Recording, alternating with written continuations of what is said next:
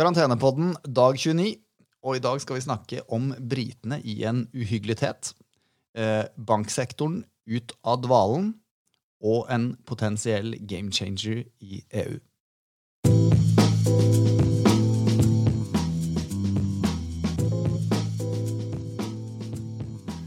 Er du med meg, Christian? Det er jeg. Hva er det som er siste nytt på smittefronten? Siste nytt på smittefronten er vel egentlig mye av det samme som vi snakket om uh, sist. Vi snakket om det, nemlig at uh, situasjonen er uh, heldigvis ganske bra i Europa og Norden. det vil si at økonomiene starter opp igjen uten tegn til ny smittespredning. Det samme ser man også i enkelte amerikanske delstater. Så jeg tror eh, litt av grunnen til at markedene er såpass optimistisk om dagen også, er nok at man ser at denne gjenåpningen går eh, bedre enn eh, fryktet. Men når det er sagt, så er det fortsatt bekymringsfull utvikling i flere fremvoksende økonomier, som vi også snakket om tidligere.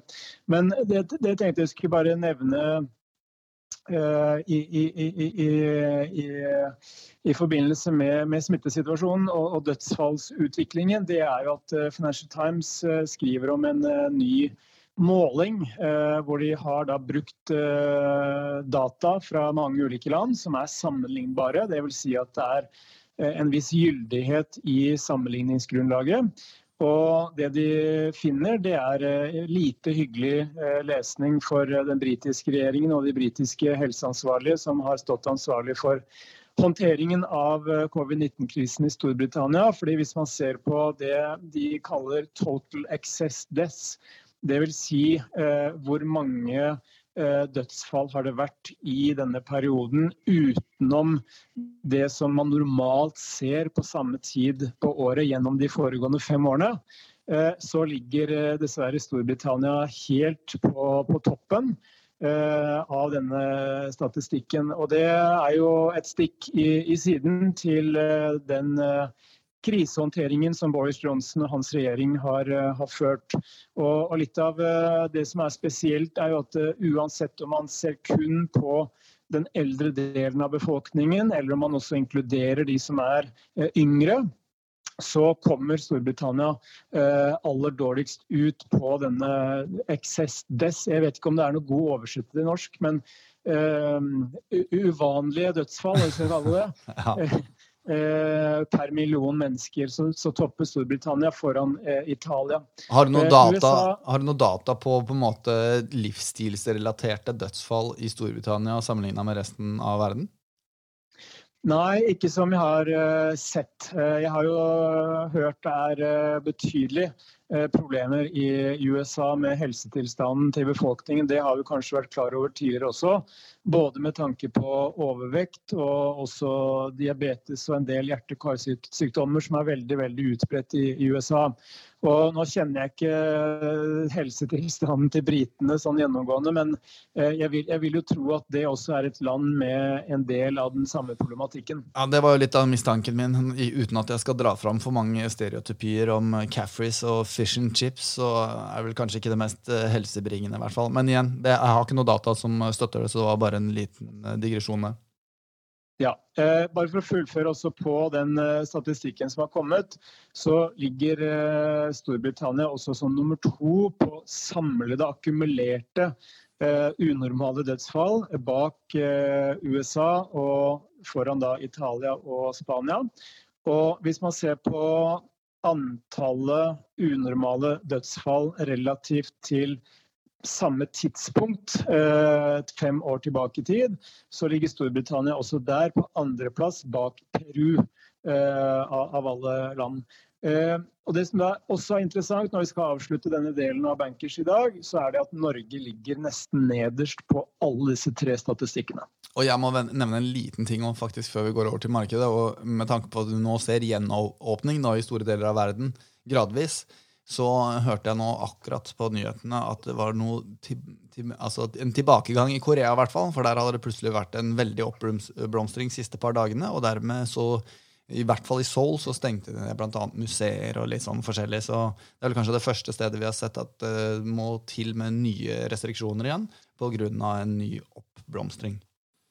Ja, og det vi også skal ta alltid med en liten sånn klype salt når man leser om uh, smittebombe eller smittevekst i et eller annet land, det er jo at uh, det kan være fra en veldig veldig lav base. Og så ser man på prosentvis vekst, og så ser det plutselig veldig skremmende ut. Og så kan det eh, tendere til å være et mer sånn konsentrert eh, tilfelle, som eksempelvis det vi så rundt denne nattklubben i, i, Seoul for et par uker siden, hvor det var eh, vel i overkant av 100 nye smittede. Men som en andel av befolkningen så er det fortsatt et ganske lite tall. Ja, og det jeg sikter til her, var faktisk også et lite tilfelle. Det var under 100, men det var på kort tid. Så ja, la oss ikke legge for mye vekt på det, og vi beveger oss over til markedet.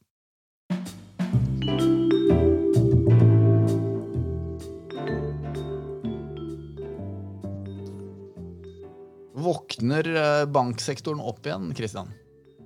Ja, det ser eh, sånn ut. Eh, og banksektoren har jo vært den mest utbombede sektoren i aksjemarkedet. Både globalt, men også hvis vi ser på amerikanske eller europeiske aksjer gjennom denne krisen. Men litt av bakgrunnen for at at bankaksjer nå ser ut til å bli langt mer interessante igjen, det er en kombinasjon av flere ting. For det første så tror jeg at det henger sammen med det vi snakket om innledningsvis, nemlig at det ser ut til at denne gjenåpningen av eh, økonomiene går bedre enn man kanskje hadde trodd, med tanke på at det ikke er noen voldsomme nye Eh, oppblomstringer av, av smitte. Eh, det andre er at eh, banksektoren er en av, ikke en av få, men i hvert fall en av de sektorene som er billige, som er svært lavt priset. Spesielt dersom man ser på aksjekurser i forhold til bokførte verdier. og I tillegg så har vi også da for europeiske banker spesielt fått en et forslag fra EU om en pakke som vi skal snakke om i policy-delen, men som også kan være med på å redusere risikoen for ikke bare en eksistensiell krise i EU, men også som kan bidra etter hvert til å løfte lønnsomheten i, i, i banksektoren. Så det er helt klart, som vi snakket om sist også, eh, enda tydeligere tegn på denne sektorrotasjonen som eh, nå pågår i aksjemarkedet, gjennom at eh, tidligere så populære IT- og farmasiselskaper de henger nå faktisk etter. Hvis man ser på kursutviklingen de siste fem handelsdagene globalt, eh, så er faktisk IT-sektoren og farmasisektoren ned.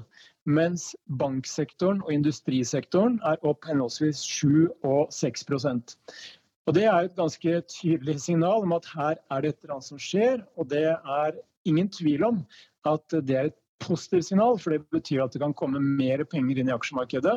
I tillegg til den rotasjonen som skjer, eh, allokeringsendringer osv. for de som eh, investerer med relativt kort tidshorisont. Men det betyr at vi ser eh, tegningen inn i pengemarkedet, som f.eks. i USA, har begynt å gå i revers. Dvs. Si at det begynner å komme en del penger som har stått parkert på sidelinjen, og inn igjen i, i markedet. Det er kanskje slett en lang, lang harang rett og slett, med positive ting fra Christian Lie? Ja, jeg tror jaggu meg vi skal avslutte med noe positivt i dag også. La oss dra rett på det. Hva er den potensielle gamechangeren for EU? Jo, eh, vi vet jo at forrige uke så kom det et forslag fra Angela Merkel og Macron i Frankrike om en eh, tiltakspakke på 500 milliarder eh, euro. Eh, nå har EU-kommisjonen utarbeidet et forslag som eh, spiser det opprinnelige forslaget til frokost, eh, litt satt på spissen, med en samlet stimulans på rundt 750 milliarder euro.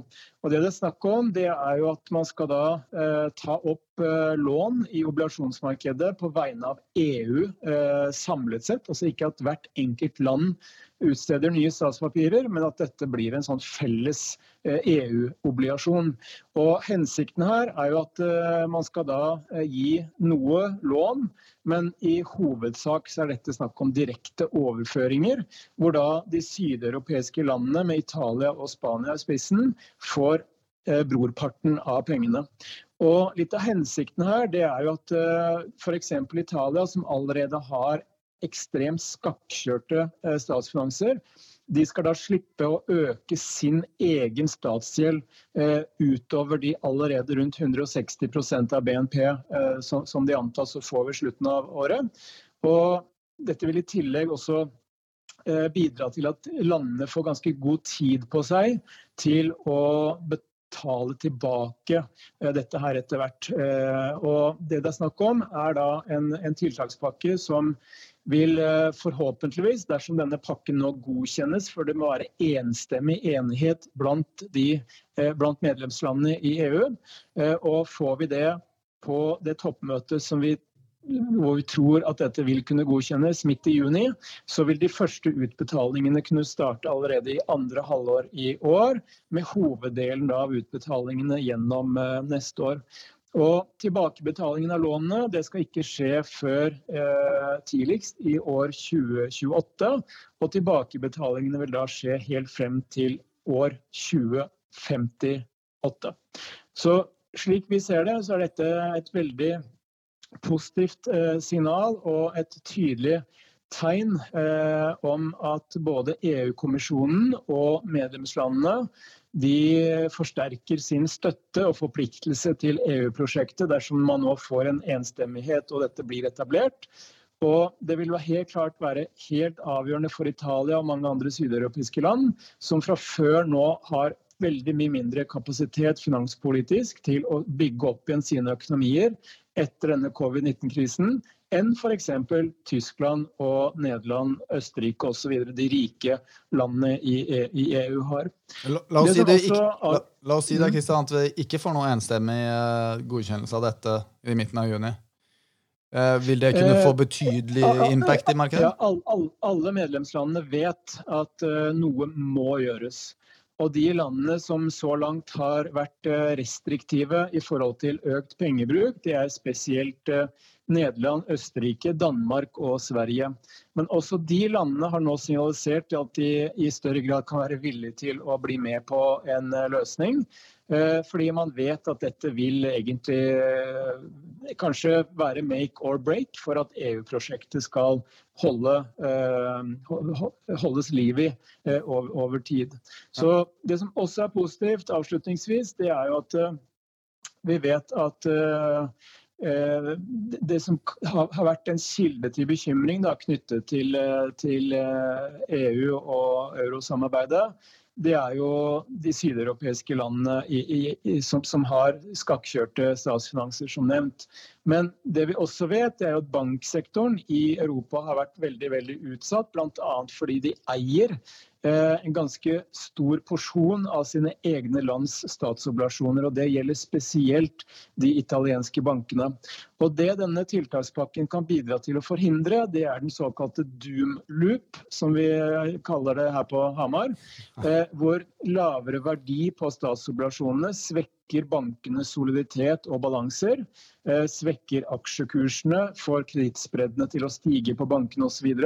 Som igjen fører til ytterligere mistillit fra investorene til landets bærekraftighet, som igjen svekker obligasjonsverdiene ytterligere. Og Det er den såkalte doom loop. Eh, men dersom denne redningspakken da lykkes med å unngå det vi kan kalle en asymmetrisk økonomisk innhenting.